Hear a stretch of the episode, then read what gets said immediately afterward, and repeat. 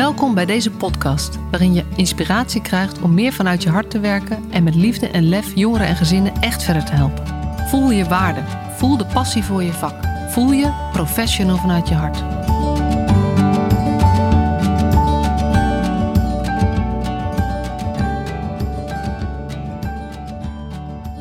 Hey, wat ontzettend leuk dat je weer luistert naar alweer een nieuwe aflevering van de Professional vanuit je hart podcast. En vandaag ehm, wil ik dus met je hebben over een van mijn stokpaardjes, namelijk uh, professionele nabijheid.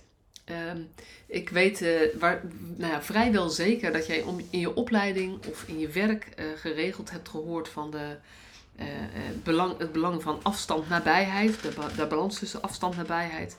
En dat het, um, als je daarover door gaat denken, dat het meestal betekent dat collega's of leidinggevenden of in je opleiding je uh, docenten je, vraagt, je vragen om na te denken over hoe je professionele afstand houdt. Maar um, ja, als je mij al wat langer volgt, dan weet je dat. En zo niet, dan welkom uh, in, mijn, in mijn wereld. Ik vind uh, professionele afstand houden eigenlijk een vorm van verwaarlozing omdat het betekent dat wij op het moment dat mensen het heel zwaar hebben, dat wij vooral bezig zijn met afstand houden. Terwijl ik denk, ieder mens, vrijwel ieder mens, heeft um, nabijheid nodig. En um, het is ook aan ons als professionals om, uh, juist als mensen het heel lastig hebben, en dat laten ze vaak zien met lastig gedrag, uh, dan ook nabij te kunnen blijven. Met een woordje ervoor, want het gaat niet over gewoon maar nabij zijn, dat is echt wel een verschil. Dus ik zou heel graag willen dat het paradigma gaat veranderen van uh, professionele afstand houden naar professionele nabijheid bieden. En het vraagt iets anders van, uh, van ons als professionals en het vraagt ook om op een andere manier met elkaar daarover te praten. Want um, ik stond van de week ook weer voor verschillende groepen en dan praat ik over dit thema. En dan heb ik, noem ik ook het voorbeeld van, uh, weet je, dan vraag ik wel eens van wie is, heeft wel eens gehoord een vraag gekregen van hoeveel professionele afstand hou je? Of hoe zit het met je professionele afstand? En dan gaat echt 60, 70 procent van de zaal gaat hand omhoog. Um, terwijl op het moment dat je de vraag stelt, wie heeft wel eens de vraag gekregen, um, uh, ben jij professioneel nabij genoeg? Is werkelijk niemand die zijn hand opsteekt in die zaal. En ik denk dat dat anders kan en dat dat ook anders moet. Uh, en dat is natuurlijk ook hoe, uh, hoe ja, wat een beetje verweven zit in wat die mooie grootste missie van mij is met die mooie woorden. Liefdevolle en gelijkwaardige zorg, jeugdzorg, onderwijs en sociaal domein. Dat liefdevolle zit voor mij ook hierin. Dat je als mens naast een ander mens staat, wat op dit moment gewoon heel veel uitdagingen, uh, soms heel veel uitdagingen heeft in het leven. En daardoor niet altijd zo makkelijk um, te steunen is of te helpen is, of hoe je het ook wil noemen. Maar wat je in ieder geval kunt doen is uh, blijven en um, daar heb ik ook natuurlijk laatst een podcast over opgenomen. Blijf jij als je niet mag helpen? Blijf jij steunen als je niet mag helpen? Um, maar uh, professionele nabijheid gaat eigenlijk over um, uh, ja, blijf, goed bij jezelf nagaan. Wat gebeurt er nou eigenlijk als iemand het mij lastig maakt in de begeleiding? Want ik denk dat iedereen weet dat het, en ook herkent dat het heel gemakkelijk is op het moment dat het heel goed klikt met een, met een jongere of een gezin of een bewoner met wie je samenwerkt dan vinden we het allemaal makkelijk. Nou ja, meestal makkelijk. Maar als de samenwerking ingewikkelder wordt, als mensen een, een onverwacht appel op je doen, dan wordt het veel meer een uitdaging om uh, in die verbinding te blijven staan en ook professionele nabijheid te blijven bieden. En um, van de week kwam ook in, in een van die, die uh, spreek, hoe zeg je dat, spreekdingen, toen ik voordat, voordat die groep stond, hadden we zo'n gesprek. En toen zei ook, uh, had ook iemand de vraag, um, maar hoe doe je dat dan? Want het kan toch zijn dat jij echt um, uh, bij bepaalde gezinnen, bij bepaalde mensen, niet uh, professioneel nabij kunt zijn. En we praten daar wat over door en toen dacht ik, ja, dat is wel een belangrijk thema. Want voor mij betekent um, een paradigmaverandering.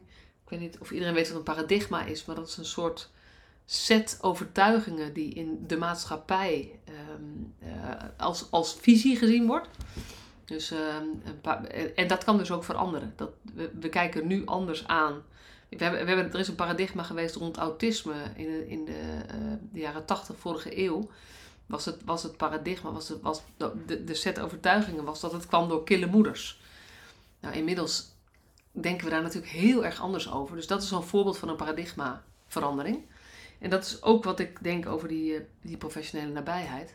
Maar de uitdaging is dus wel, ehm, wat nou als jij voelt dat je echt ehm, iemand niet wilt begrijpen? Als jij, niet, als jij zo niet op je gemak voelt bij iemand, als je zo, ehm, eh, als er nou iets gebeurt waardoor jij echt voelt van nee, die, die ander, nee, ik, nee, nee, ik wil alleen maar afstand. En ik heb daar best wel een vrij stellige mening over. Ik denk namelijk, en daar raak ik eigenlijk steeds meer van overtuigd naarmate ik er meer over nadenk en meer over spreek met mensen. Ik denk dat je iemand alleen maar verder kunt helpen als je een heel klein beetje van diegene houdt tussen aanhalingstekens. Want hier hebben we het niet over de liefde zoals tussen partners of tussen uh, ouders en kinderen of tussen familie of uh, naar je vrienden. Maar wel uh, dat je echt bewogen bent, begaan bent uh, met de mensen die jij wilt helpen. En dat je je hart daarvoor openstelt. En ik geloof eigenlijk dat hulp geen zin heeft als je dat niet kan voelen. Dus um, op het moment dat jij um, met een caseloadverdeling of, of omdat je spreekuren hebt en er komt iemand binnenlopen waarbij dat er iets gebeurt, waarbij je zelf merkt dat er al je nekharen overeind gaan staan. Of um, een, een situatie waarin je al langer werkt met een gezin of met ouders of met, um, uh, met iemand die zulk lastig gedrag heeft dat je zo vaak teleurgesteld bent geraakt. Nee, dat zou niet mogen. Maar ja, we zijn allemaal mensen, dus dat gebeurt toch. Dat je er klaar mee bent. Um, dat is misschien wel het belangrijkste moment om je af te vragen: kan ik nog met deze persoon werken? Want professioneel nabij dat gaat voor mij over, ja, dat kan betekenen dat je een knuffel aan iemand geeft. Maar het gaat bij mij vooral om dat je, um, dat je iemands verhaal wil horen. Dat je echt benieuwd bent naar wie de ander is. Dat je um, begrip probeert te hebben voor de ander. En dat je ook um, nou ja, dus een klein beetje van die ander houdt. Zodat je net zo bij, zoals je bij je vrienden uh, bij, meestal bij je familie, je kinderen, je partner, wel wat geduld ook hebt. Uh, en ook wel kunt zien dat sommige reacties te maken hebben met de spanning die op dat moment oploopt.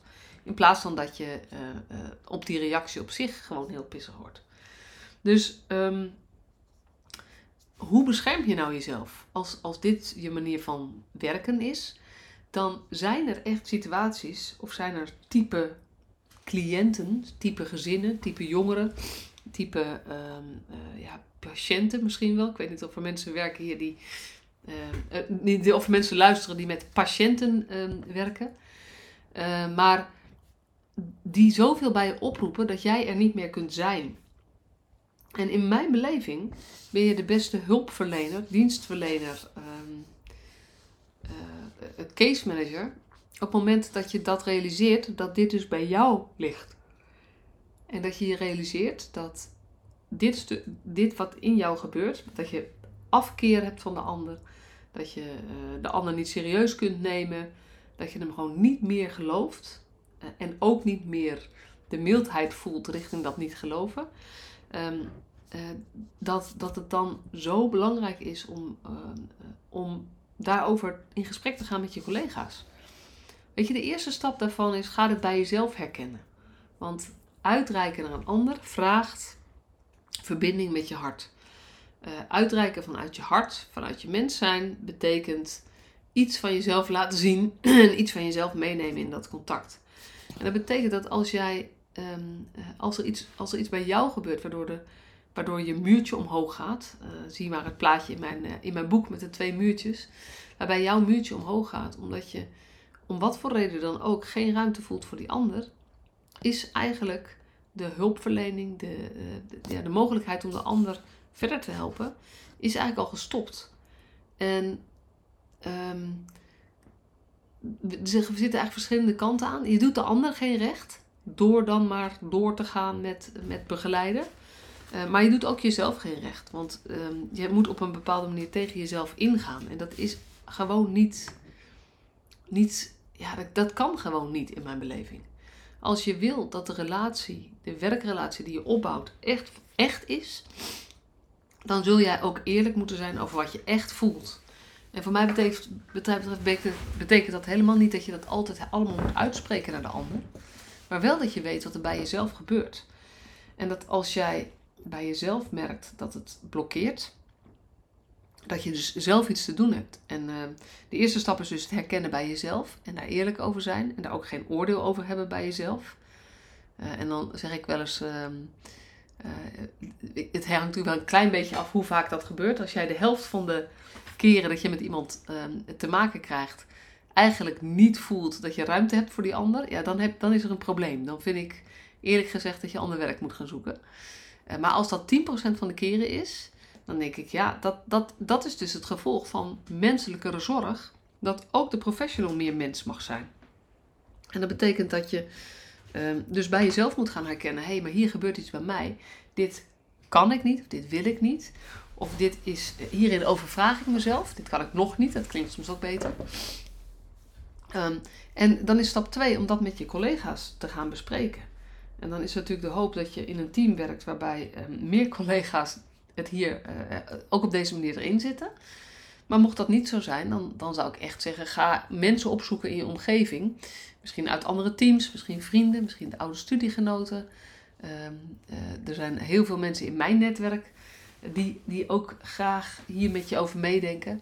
Ehm, omdat het, het, bespreken van: hey, ik, ik voel bij deze persoon vind ik het heel lastig om mezelf open te stellen. Um, dat, dat, dat, biedt ruimte voor de volgende stap. En even vooruitgaand dat je dit in je team kunt bespreken, kan het er toch ook toe leiden dat je uh, met elkaar heel goed weet op een gegeven moment: hé, hey, maar, maar uh, bij Pietje moeten we, die, die, die kan niet zo goed met hele dominante vaders uh, optrekken. Want dat, dat lukt gewoon niet om de een of andere reden. En er kan allerlei diep trauma achter zitten bij jezelf. en iedereen die dat fijn vindt, mag daar ook helemaal induiken. Maar um, als je daar nog niet ingedoken bent, of dat is gewoon nog een groot pijnpunt en daar kan je niet zo goed mee dealen, dan heb je professionele, je professionaliteit te nemen door te zeggen tegen je collega's: jongens, die echte dominante vaders, die moet je niet bij mij um, zetten. Want dat gaat gewoon niet goed. Ik kan diegene um, niet serieus genoeg nemen. Ik heb eigenlijk al een oordeel over hem voordat hij, uh, zijn, uh, zeg maar, dat, voordat hij binnenstapt of op het moment dat hij binnenstapt. En ik geef hem gewoon geen eerlijke kans. Um, en dat je ook weet dat Jantje of Marietje, laten we maar een andere naam uh, nemen, of Latifa of Sharon, dat die eigenlijk dat er iets gebeurt op het moment dat, dat je met een ontzettende gesloten cliënt of jongere of ouder moet werken omdat die iets oproept van onzekerheid bijvoorbeeld. Dat, uh, dat je normaal goed bent in de werkrelatie opbouwen. Maar dat als je moet samenwerken, een werkrelatie moet opbouwen met iemand die gewoon niks zegt en waar je niks van terugkrijgt, kan dat je ook heel erg onzeker maken. En als jij heel erg onzeker wordt, is het moeilijker om ruimte te houden voor die ander. Dus het is uh, heel goed om juist met elkaar als team daarover te hebben. Wat voor cliënten kan ik het beste helpen? Wat voor gezinnen, welke jongeren kan, kan ik het makkelijkst bereiken? En um, ja, misschien dat realiseer ik me nu ik het zo uitspreek en over na te denken terwijl ik die podcast opneem. Um, ik geloof er eigenlijk in dat iedereen met zijn favoriete cliënten zou moeten werken. Omdat je daarin ook het beste stuk van jezelf mee kunt nemen. En nogmaals, het moet niet zo zijn dat je dan de helft van de cliënten afkeurt, soort van. Maar ik denk wel dat we veel meer zouden mogen kijken naar um, persoonlijke voorkeur. Uh, zolang, het, nou ja, zolang het is uh, onderling, als je, als je allemaal vanuit, je, uh, vanuit jezelf praat, zeg maar. Dus dat het niet gaat over, ja, maar dit vind ik, moe dit vind ik lekker licht en dat is, dat is rete zwaar. En tegelijkertijd, sommige, um, sommige professionals hebben gewoon, die zijn op hun best in de meest crisissituatieachtige situaties, dubbelop, die je kunt voorstellen. En andere um, uh, professionals zijn op hun best op het moment dat er, dat er eigenlijk de, de, er, lichte ondersteuning nodig is. En ik denk, hoe beter je van jezelf weet waar jij het meest tot je recht komt, dus een beetje, het klinkt bijna een soort egoïstisch, hoe meer je ook uh, de cliënten met wie je werkt tot hun recht laat komen. En dat woord cliënten ontkom ik niet aan. En toch, ah, ik blijf puzzelen op een ander woord, zoals je weet. Want dat cliënt is ook zo'n uh, ding, maar het is meer een verhouding die je aangeeft. Ehm, en als je eerlijker gaat luisteren naar je eigen, ehm, nou ja, waar je hart sneller van gaat kloppen en waar je hart een beetje van op slot gaat, dan, en, en daar kunnen we het met elkaar over hebben, dan denk ik dat we de kwaliteit van de hulpverlening gaan vergroten. En ehm, voor mij hangt dit allemaal samen met het thema professionele nabijheid. En ik kan behoorlijk doorfilosoferen op bepaalde begrippen. Dus ik probeer hem ook weer eventjes terug te brengen naar het thema waar ik over begon. Want ik weet niet of iedereen zo makkelijk mijn gedachten kan volgen. Ehm, maar als je professionele nabijheid breder ziet dan die knuffel. Uh, maar als je dat eigenlijk ziet als uh, een klein beetje houden van degene met wie je werkt. Dan zul je dus ook um, moeten weten van welke mensen uh, hou ik een beetje. Want ik weet niet hoe het met jou is, maar ik word niet verliefd op iedereen die ik tegenkom. Uh, daar zit best wel verschil in. En uh, sommige types um, val ik wat eerder voor dan andere types. En ik denk dat dus in je werk dat dat niet anders is. En ik denk wel dat je daarin kan ontwikkelen. En ik denk ook dat er mensen zijn die juist heel goed zijn met heel veel diverse mensen werken. Dus dit, hier zit geen waardeoordeel in. Um, maar ik denk dat op het moment dat wij meer ruimte maken met elkaar voor het onderzoeken van deze vraag, welke, uh, welke jongeren, wat voor type ouders, wat voor type gezinnen passen het best bij jou. En daar gaan we veel meer ook onze uh, uh, zorg op inrichten, of de verdeling van onze casuïstiek op inrichten. Denk ik dat we de kwaliteit van de hulp enorm. Want voor mij verhoog je de kwaliteit van de hulp op het moment dat we het liefdevoller en gelijkwaardiger maken. En we maken het liefdevoller als jij werkt met mensen waar je gemakkelijker die liefde tussen aanhalingstekens voor voelt. Um, en van de week sprak ik dus ook toevallig met iemand die um, kwam uit een hele andere eh, sector, kwam uit de commerciële wereld. En die had de overstap gemaakt naar de zorg. En ik vroeg aan haar van, hoe kom je nou, hoe kies je nou zo helemaal van buitenaf in welk soort zorg je terechtkomt. Gehandicaptenzorg, verslavingszorg, GGZ, jeugdzorg, ouderenzorg. Um, en er is nog wel meer, maar hier een aantal. En toen zei zij, ja, dat is uiteindelijk toch dat ik bij een bepaalde doelgroep meer voelde.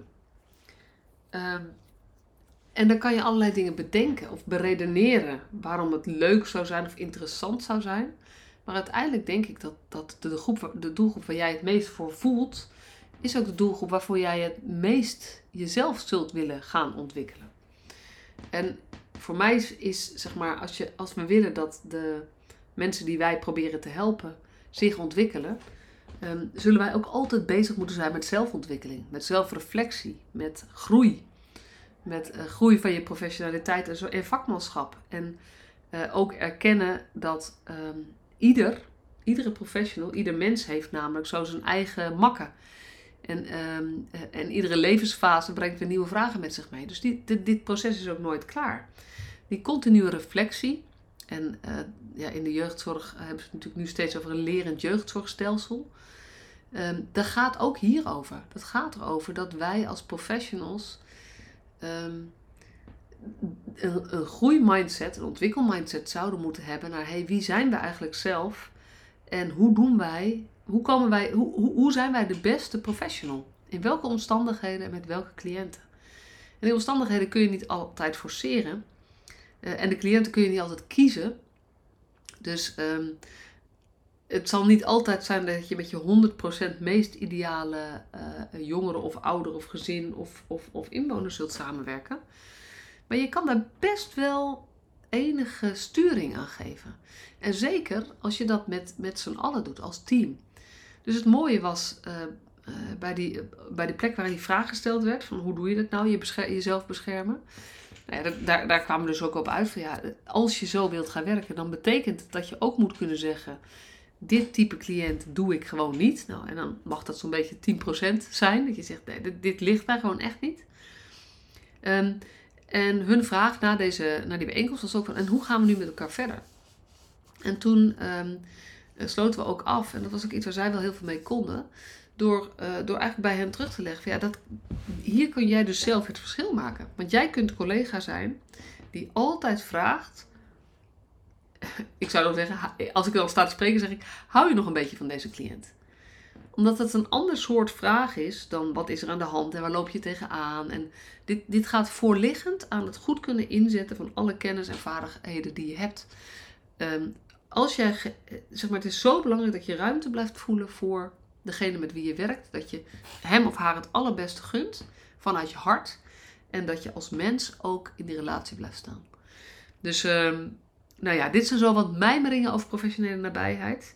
Uh, waar ik echt helemaal in geloof. Waar ik ook echt vind dat we een, een ehm, andere toon moeten hebben in onze opleidingen. Een andere toon moeten hebben in ons werkoverleg. Uh, en dat we het hierover zouden moeten hebben uh, bij bijvoorbeeld intervisie. Ik weet dat op sommige plekken meer gebeurt dan op andere plekken. Maar dit is ook iets waar je gewoon zelf mee kunt beginnen. Jij kunt je collega's andere vragen gaan stellen. En als je dat dan, dan voelt misschien als heel klein. Dat voelt misschien van ja, dat zou toch vanuit de organisatie moeten komen.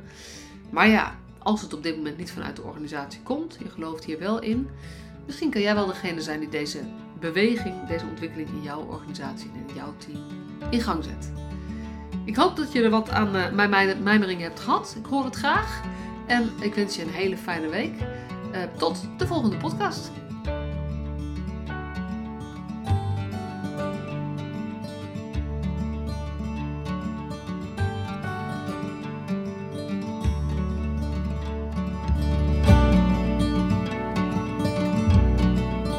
Superleuk dat je weer luisterde naar deze podcast. Dankjewel. Nog even kort een paar belangrijke dingen. Ten eerste, het is mijn missie dat de jeugdhulp weer een sector wordt waarin bevlogen, liefdevolle professionals jongeren en gezinnen echt verder helpen. Daarom maak ik deze podcast voor jou. Wil jij deel uitmaken van deze beweging van Professional vanuit je hart, waarin professionals elkaar steeds opnieuw inspireren? Begin dan met het lezen van mijn boek. Je kunt de eerste hoofdstukken helemaal gratis lezen. Ga naar professionalvanuitjehart.nl/slash boek. Ten tweede, wil je alle podcastafleveringen overzichtelijk onder elkaar? Abonneer je dan op deze podcast. Klik in je podcast-app op de button subscribe of abonneren. En elke keer als er een nieuwe podcastaflevering gepubliceerd wordt, ontvang je automatisch een berichtje. Ten derde, ondersteun je mijn missie? Geef me dan een review via je podcast-app, bijvoorbeeld iTunes of Spotify. Op die manier kan ik nog meer professionals bereiken. En ken je een collega voor wie deze podcast ook interessant is? Dan zou het super zijn als je hem of haar de podcastaflevering doorstuurt. Bijvoorbeeld door de link te kopiëren via Spotify. Ik vind het altijd heel leuk om berichtjes te ontvangen van luisteraars om te horen wat je van een podcast vindt, of als je misschien vragen of suggesties hebt. Of als een aflevering je een bepaald inzicht heeft gegeven of er iets in beweging is gekomen. Stuur me dan even een berichtje op masha.professionalvanuitjehart.nl via de website of stuur me een connectieverzoek op LinkedIn.